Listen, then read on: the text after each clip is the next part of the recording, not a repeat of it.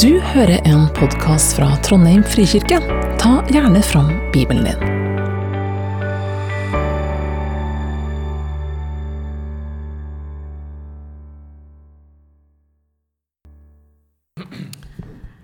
Jeg skal lese fra Johannes 5, 1-9. Etter dette kom en av jødenes høytider, og Jesus dro opp til Jerusalem. Ved Saueporten i Jerusalem ligger en dam som på hebraisk heter Betesta. Den er omgitt av fem bueganger. Der lå det en mengde mennesker som var syke, blinde, lamme og uføre. De ventet på at vannet skulle komme i bevegelse, for en engel fra Herren steg fra tid til annen ned i dammen og rørte opp vannet. Den første som steg ned i dammen etter at vannet var blitt rørt opp, ble frisk, uansett hvilken sykdom han hadde. Det var en mann der som hadde vært syk i 38 år. Jesus så ham ligge der og visste at han hadde vært syk lenge, og sa til ham, Vil du bli frisk?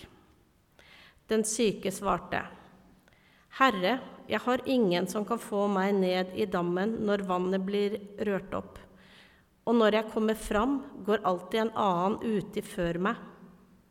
Da sier Jesus til ham, Stå opp, ta båren din og gå. Straks ble mannen frisk, og han tok båren sin og gikk.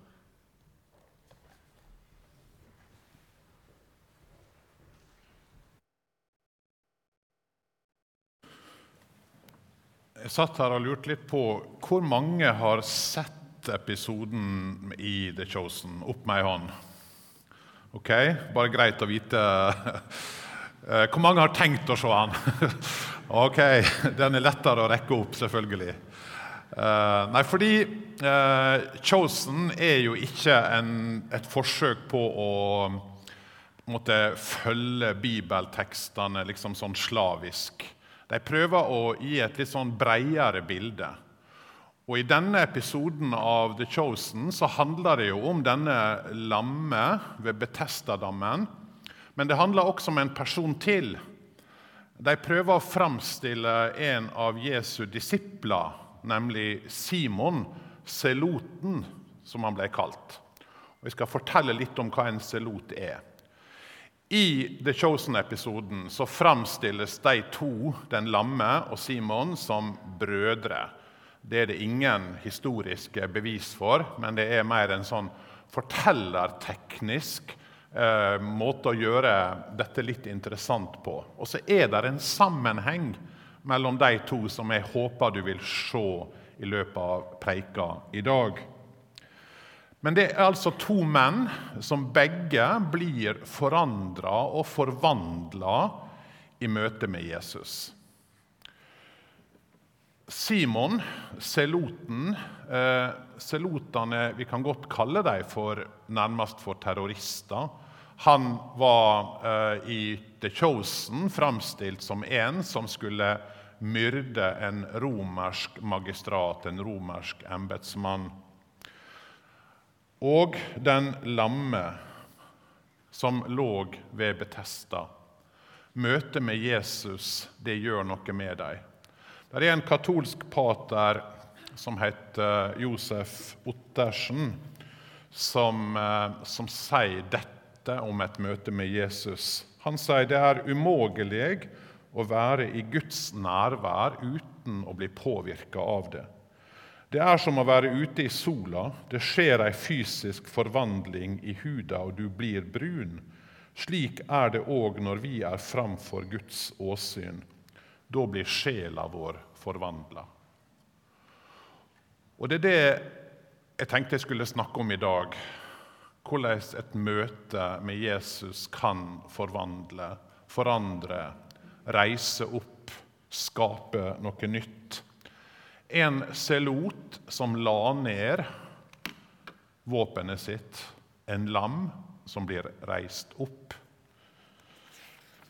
Men hvem var disse selotene? Ja, Dere som går her i Trondheim frikirke, vet at eh, her får en litt sånn både historie og litt forskjellig. Så i dag blir det litt sånn bakgrunn om selotene. Håper du er med på det.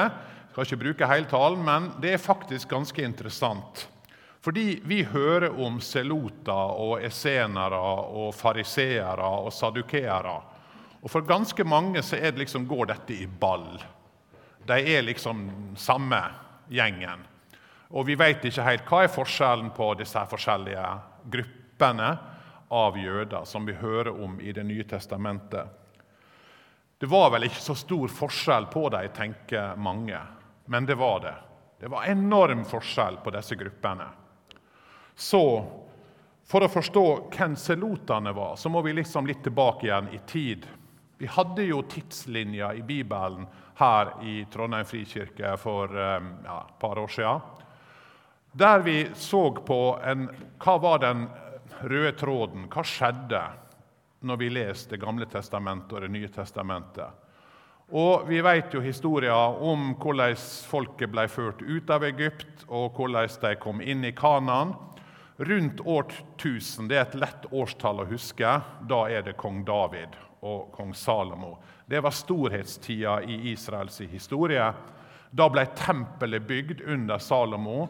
De hadde fred, velstand, riket var samla. Og det er ikke uten grunn at når en venter på Messias, så venter en på den nye kong David. Den som skal sitte på Davids trone. Men etter at Salomo døde, så ble riket delt i to.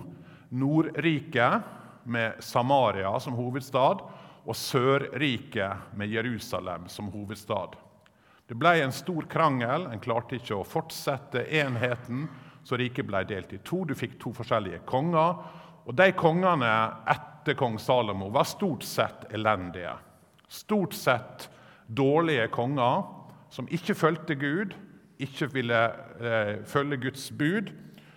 Og det er i denne tida vi har alle profetene som forkynner stort sett Guds dom over folket. Og Den dommen kom jo i 722. Så ble Nordriket erobra av asyrerne, og Samaria ble inntatt.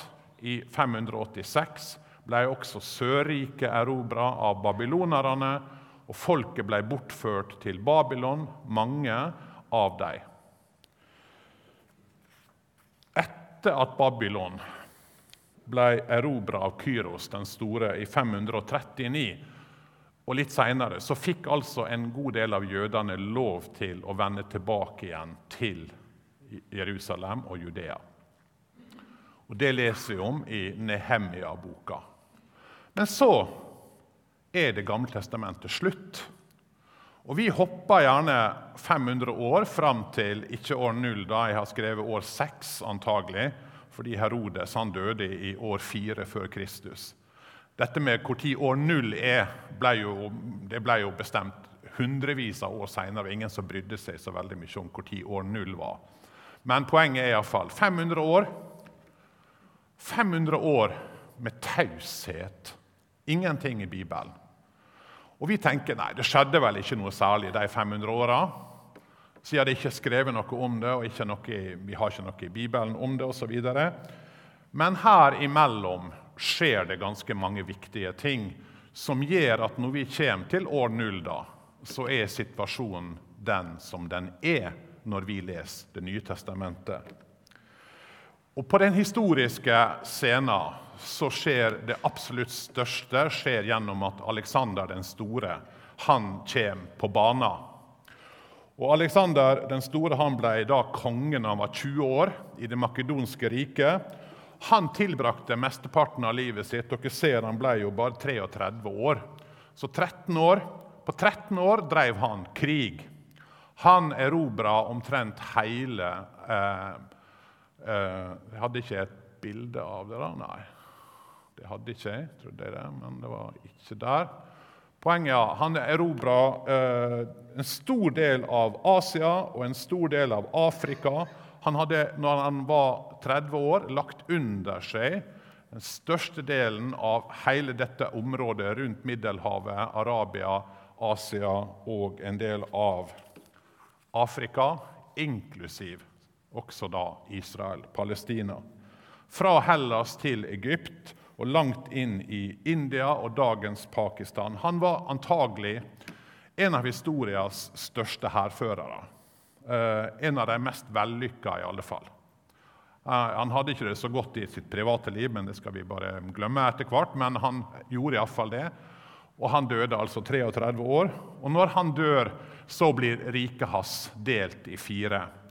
Og det er her at eh, Israel da blir under det ptolemeiske kongedømmet, som var ett av de fire som ble, det ble delt opp i fra 330 til ca. 198. Fordi i 198 så var det et annet rike, Selevkos-riket, med hovedstad i Antiokia, som går til krig, og som tar over makta. Og Det de gjør når de kommer til Jerusalem, det er at de tar over eh, makta i Jerusalem. De går inn i tempelet, og de vanhelliger tempelet. De slakter en gris på alteret. Dere kan tenke dere for en voldsom eh, sak det ble for jødene. Det ble så voldsomt at de gjorde oppstand. De kan ikke tro dette er mulig. De gjør opprør. Og leda av en som heter Judas Makabeeren, så må det som vi kan godt kalle et under, skje. Og det skjer. De seirer over dette mektige Seleukos-riket, tar over tempelet og kaster ut okkupantene. Det blir betegna som et, et, enormt under, for militært sett så var de jo totalt underlegne. Men de får altså på en måte friheten sin. De kan bestemme sjøl. Og når de skal innvie tempelet igjen i 164 før Kristus, så skal de tenne den sjuarma lysestaken og den skal jo brenne i sju dager. Men det er bare olje til én dag. Men de tenner lyset, og det skjer et under. Det, oljen holder i alle sju dager. Og Til minne om denne hendelsen så feirer jødene fortsatt i dag hanukka. Denne festen, hanukka-festen over åtte dager med et ekstra lys i den sjuarma lysestaken. Og De feirer den rundt eh, juletida vår, i desember. og Derfor kan du godt høre mange si eh, 'Merry Christmas' and 'Happy Hanukka', fordi det er omtrent på samme tid. I alle fall en fest som ikke står noe om i Bibelen, men som er til feiring av dette her. Så, ifra altså 167, når makabeeropprøret skjer, og framover til 63, da romerne kommer, så har du på en måte et jødisk kongedømme i Israel. Fra 167 til 63. Plutselig så er altså jødene sjøl herrer i eget hus. Og så blir spørsmålet hvem skal styre? Hvem skal, hvem skal regjere? Hvordan skal vi gjøre dette her? Så De går tilbake igjen til teksten og Der finner de ut at jo, det er prestene som skal lede dette her. Prestene skal lede, så de gir riket over til de, de som de kaller hasmonene. Det var prestene på den tida. Men ganske fort så oppdaga disse trufaste, patriotiske eh, makabeerne at disse prestene var ganske korrupte. Ikke bare var de korrupte, men de elska luksus og overflod. De var vel prega av den helenistiske kulturen som kom med Aleksander den store. Sånn at de bada seg i luksus og i eh, velstand og var egentlig i liten grad opptatt av å tenke hva er godt, verken for folket eller hva Gud ønsker. De bygde jo et palass til øverstepresten. Det finner du eh, utgravd i Jerusalem i dag. Det var et enormt palass. Det var 17 soverom, det var 22 bad. Det var antagelig i dette huset at eh, Peter ble forhørt. Når, eh, nei, når, det var der Jesus ble forhørt. og Det var der Peter varma seg i forgården. Det var yppersteprestens hus. En enorm luksus og velstand. Det var en egen vinkjeller med flasker med vin som i dag hadde vært titusenvis av kroner. De fikk en enorm makt, og det var korrupsjon. De samla inn masse penger, og de samarbeidet greit etter hvert når romerne kom i år 63. Så samarbeider de med romerne. Og Her oppstår jo et problem. Og Det er disse som er, blir sadukeerne, som blir denne øverste prestgruppa som vi møter på Jesu tid. Sadukeerne. Hva skjedde med de fromme jødene? Ja, De kunne ikke finne seg i dette. her. Så ei gruppe, vi kaller dem for esenerne, de flykta ut i ørkenen, der de studerte Bibelen og skrev ned Bibelen. og Det er der vi fant disse alle skriftrullene i Qumran på 40-tallet. Men det var to andre grupper som, av fromme jøder som dro opp mot Galilea. Den ene gruppa det var fariseerne, og den andre gruppa de kaller vi for selotene.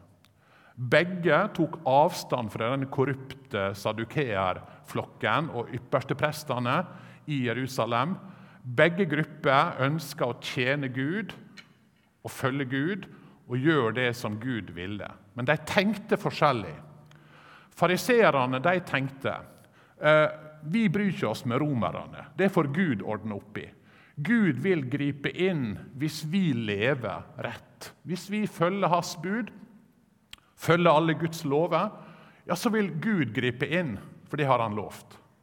Så De var opptatt av å følge hvert enkelt bud og alle mulige slags regler. Ikke fordi de var så veldig glad i reglene, men fordi de var glad i Gud. Og de tenkte hvis vi bare følger buda, så vil Gud gripe inn, og da vil Han befri oss fra romerne. Så når vi fordømmer fariseerne, så var de antagelig ikke noen drittsekker, sånn som mange av oss tror. De var antagelig fromme, gode mennesker som ville det vel, og Derfor ble alle syndere så vanskelig for fariseerne. Fordi de tenkte det er jo disse synderne som gjør at Gud ikke kommer. Kan ikke dere skjerpe dere? Det var liksom deres budskap til synderne. Kan ikke dere ta dere sammen og følge Guds bud, slik at Guds rike kan komme og bli på en måte synlig, og romerne kan kastes ut? Deres motivasjon var ikke nødvendigvis sånn som vi av og til tenker. Den andre gruppa var altså selotene. Det var en lang omvei, men nå er jeg kommet dit. Selotene de tenkte vi skal hjelpe Gud. Vi skal kaste romerne ut. Vi skal eh, med våpen i hand eller med makt så skal vi rydde bort ondskap og synd i folket. Og De gikk etter all korrupsjon og alt forfall. Og En selot han drepte en av øversteprestene inne i tempelet i Jerusalem. Og Det er her vi i The Chosen møter selotene. Vi møter Simon før han blir en disippel. Der han planlegger vi må drepe disse romerne. Vi må drepe de som sitter med makt. Så De kjemper både mot romerne, men de kjemper også mot det korrupte prestestyret i Jerusalem. Og De gjorde opprør flere ganger, og selotene gjorde jo til slutt opprør og ble altså knust av romerne i år 72 etter Kristus, på Masada. Det er historien. Jesus hadde selota i sin disippelflokk. Simon, seloten, er en av dem. Men Peter har jo mange trekk av en selot. Når de får Jesus til fange, så er han klar med sverdet han for å kjempe og hogge øret av tjeneren. Og Kanskje det har vi om før, var Judas Iskariot også en selot. Så i Chosen møter vi altså Simon, sterk og handlekraftig, en som tenker at 'jeg skal hjelpe Gud med å la hans rike komme'. Og En av de profetiene som selotene var opptatt av, den blir nevnt flere ganger i The Chosen. Det er en profeti fra Sefania, profeten Sefania, kapittel 3. Se, på den tiden griper jeg inn mot alle som plager deg.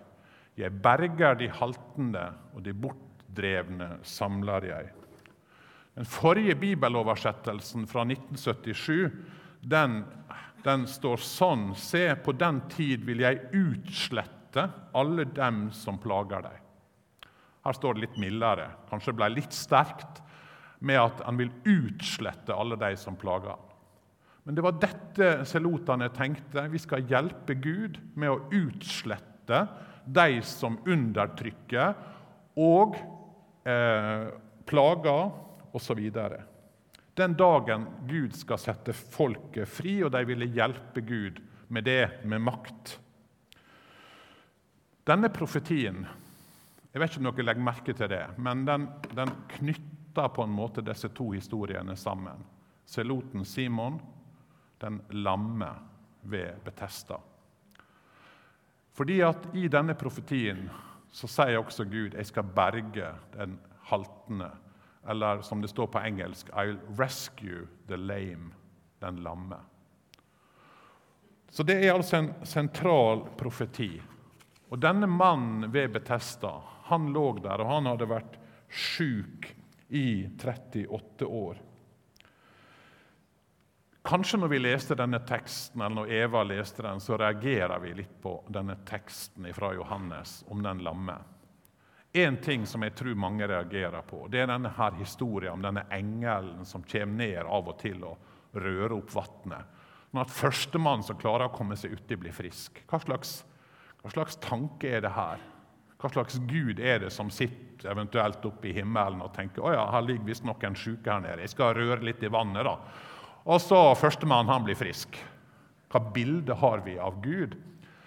Det er litt interessant hvis du leser Bibelen, for når vi får det på skjermen, så får ikke vi teksten foran oss. Men gå hjem og les teksten, så vil det stå en klamme rundt denne delen av teksten en slags asterix eller en merknad. Og Hvis du leser merknaden, så vil du lese at denne delen er ikke med i de eldste håndskriftene. Og når jeg studerte teologi, så var det egentlig ganske nyttig å se på hva for noen håndskrifter er det vi kan stole på. Hva er de eldste? For antagelig så har dette kommet inn som en slags forsøk på å forklare hva som skjedde. Og så har det blitt bare lagt til etter hvert, fordi det forsøket bare sto der i margen og sto der i margen, og så kommer det til slutt inn i teksten. Antagelig dette her ikke noe som hørte til i den opprinnelige teksten. Og jeg er glad for det, fordi jeg syns denne forklaringa den må vi bruke mange preiker på, skal vi klare å få til noe ut av det. Og det har ikke jeg mulighet for. Og jeg, jeg tenker Det er et eller annet med den forklaringa som er ganske uforståelig. Så det som antagelig skjedde med denne dammen, det var at det var et møteplass absolutt for syke. Og fordi denne dammen var forbundet med en annen dam lenger oppe, så var det slik at når en fylte på den øvre dammen, så var det ei forbindelse slik at vannet i denne dammen bobla. Og så var det en plass der syke og lamme og folk som trengte hjelp, lå og venter på hjelp. Den andre problemet i denne teksten, og det andre merkelige i denne teksten, er jo kanskje Jesus sitt spørsmål. Vil du bli frisk? Liksom sånn Hæ? Jesus, du, du må jo skjønne litt, du òg. Eh, jeg mener 38 år. Vil du bli frisk? Hva slags spørsmål er det? Um, en tanke er jo at Jesus har respekt for mennesket. At han trenger seg ikke på. Men kanskje er det noe mer djupt i et sånt spørsmål. Fordi nemlig Han hadde vært lam i 38 år. Hva skjer med en når en er lam, handikappa, så lenge? Eh, hvorfor nevner Johannes 38 år? Når Johannes nevner tall, det har jeg sagt før, så skal dere alltid liksom tenke hm, hvorfor nevner han tall? Er det noen som forbinder noe med 38 år? Er det noe kjent med det? Nei. Men for en jøde så ville 38 år være sånn Oi! Wow, her er det noe. Fordi nemlig Når vi leser om israelsfolkets ørkenvandring så var den 40 år. Men de to første åra var de i ro. Det var forberedelsestida før de begynte på ørkenvandringa. Så hvor lenge vandra de i ørkenen? I 38 år. Hvor lenge hadde denne mannen vært lam? I 38 år. Hvor lenge hadde hans ørkenvandring vært? Og det skjer noe med oss i ei ørkenvandring. Når et problem eller en tilstand varer så lenge, så blir det til slutt vår identitet. Det er den vi er. Han var ikke lenger en lam person, han var den lamme. Og Det gjelder jo på mange områder av livet, dette her. Det gjelder på mange områder av livet. At vår identitet blir prega ikke bare av fysiske handikap, men jeg er den som alltid mislykkes. Jeg er den som ingen er glad i. Jeg er den som det er synd på. Jeg er den som alltid blir urettferdig behandla. Og så skjer det noe med vår identitet oppi dette her. Og faktisk så er det slik at det kan faktisk bli sånn at den identiteten skaper en slags ikke trygghet, men, men det er der vi er, og det er sånn vi er, og vi vil ikke ut av det. Jeg leste noen som heter online-psykologene. Jeg vet ikke hvor gode psykologer de er, men de sier iallfall det at man kan begrave seg i selvmedlidenhet, anger, bitterhet, grubling, hjelpeløshet og håpløshet. Det er tilsynelatende en egen omsorg her. Man føler synd på seg selv og ønsker kanskje å trøstespise. Forbli i sengen se på TV eller selvmedisinere, men dette blir fort en destruktiv livsstil og tankegang. Slik blir man passivt dyrkende, fortvilet, oppslukt, overfokusert på sin egen lidelse. Så kanskje når Jesus spør vil du bli frisk, så går det et djupere spørsmål. Vil du bryte den vonde sirkelen? Vil du ut av dette, eller har du slått deg til ro i sjølmedlidenhet og bitterhet? vil du ut av det som har bundet deg, og det som binder deg? Det er kanskje et spørsmål som vi blir stilt av Jesus i dag. Vil du ut av det som binder deg? Jeg eh, kjenner en som heter Asle Finseth. Han er for øvrig, eller vokste opp i Sykkylven. Han er redaktør av et magasin som heter Strek, men han var før det journalist i Vårt Land. Han fortalte at han på eh, da han jobba i uh, Vårt Land, så møtte han uh, en som heter broder Andrew. Og broder Andrew han uh, var altså en av moder Teresas sine nærmeste medarbeidere i 20 år. Han var den mannlige lederen for den greina av arbeidet som heter Missionaries of Charity, som bestod av 400 brødre som jobba i slummen over flere kontinent. Møtte, Asle møtte han i 1996 ute på gamle Fornebu før de hadde fått Gardermoen. Så Asle hadde da stressa av gårde i full fart for å møte han før flyet gikk. Og møtte han der da ute på en travel flyplass der det var jetmotorene gikk ut forbi vinduene, og trillekoffertene skrangla, og masse lyd og bråk. Der satt denne mannen på en benk. Og Så prata de sammen, og Asle gjorde et intervju for han for Vårt Land. Og I løpet av intervjuet så ser han at han, han har ei lita veske ved siden av seg. Ei slitt, gammel veske i Sky. Og så, så spør Asle om den veska, og så sier han ja, der har han alt han eier i den veska. Så Asle blir jo nysgjerrig og lurer på Oi, alt du eier, det har du der. Hva har du da, liksom? Det er jo litt spennende. Hva har du hvis det, dette er alt du eier? Og så svarte han det at han, jo, det er ett skift med klær. Bukse, skjorte, undertøy og sokker. Det er en reisebibel og ei liturgibok. Det er en pose med såpepulver og noen toalettsaker. Det er et reisevekkerur og en liten radio. Og så har jeg denne, sa han, og så fisker han opp et grønt nylontau opp av bagen. Dette her er ypperlig å henge opp klær på når du er ute på reise. Og Så lener han seg mot Asle og så sier han det at du vet, jo færre ting man har, jo mer plass er det for Gud til å vise at han elsker meg. Og Så sier han det som da Asle siterer han på i Vårt Land. Så sier han blant bibeltekstene som oftest kommer til meg her i Vesten, er Jesu møte med den lamme. Folk er så bundet opp i sine lån, i sitt stress, i utallige kryssende hensyn. De mister spontaniteten, de mister friheten til å bevege seg. De er lamme innvendig. Jeg får lyst til å si som Jesus.: Vil du bli frisk? Det er helbredelse å få. Ta din seng og gå.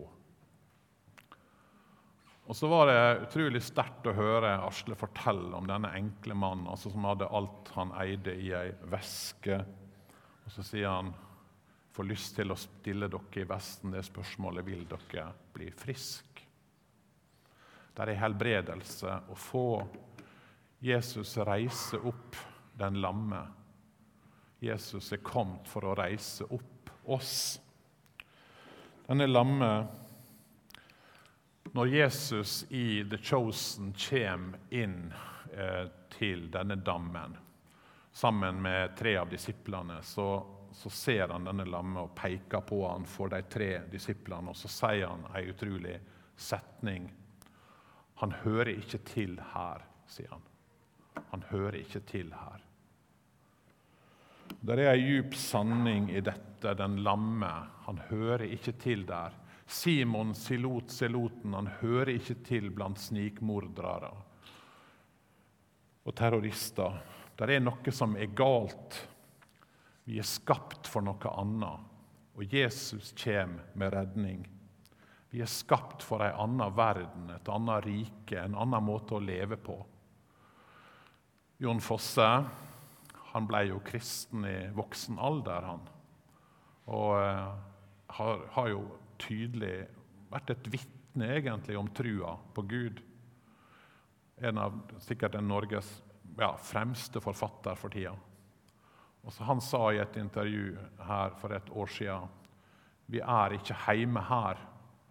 Noen tror kanskje at de er det, men jeg er det ikke. Veldig mange er det ikke. Siden jeg ikke er hjemme her, må det vel være noe som jeg kjenner til som hjemme. Og den staden er ikke her. Jesus kom for å berge. Han kom for å berge den flinke og sterke Simon Seloten. Han kom for å berge den hjelpeløse, ulykkelige, bitre lammemannen.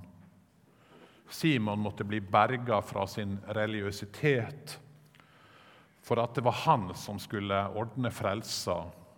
Den hjelpeløse og den lamme måtte også berga, bli berga av Jesus. Og vi som er her, vi trenger å bli berga av Han.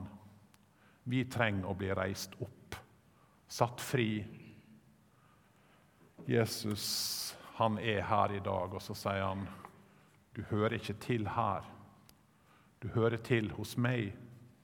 Du hører til i mitt rike, i en annen verden der ting er annerledes, der ting er snudd opp ned, der Gud er den som rår.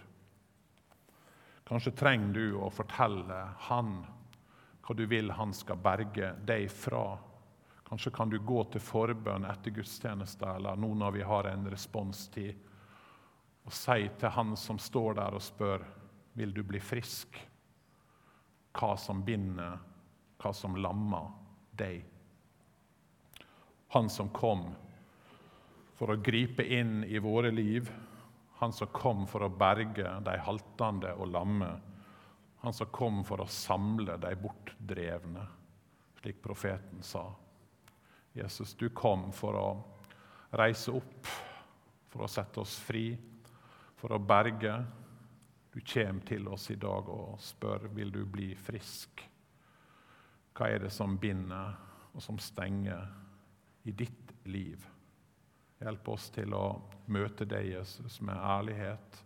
Takk for at du kom for å berge oss, for å redde oss, for å reise oss opp. Amen. Takk for at du hørte på. Velkommen til gudstjeneste søndager klokka 11. Mer informasjon finner du på trondheim.frikirke.no.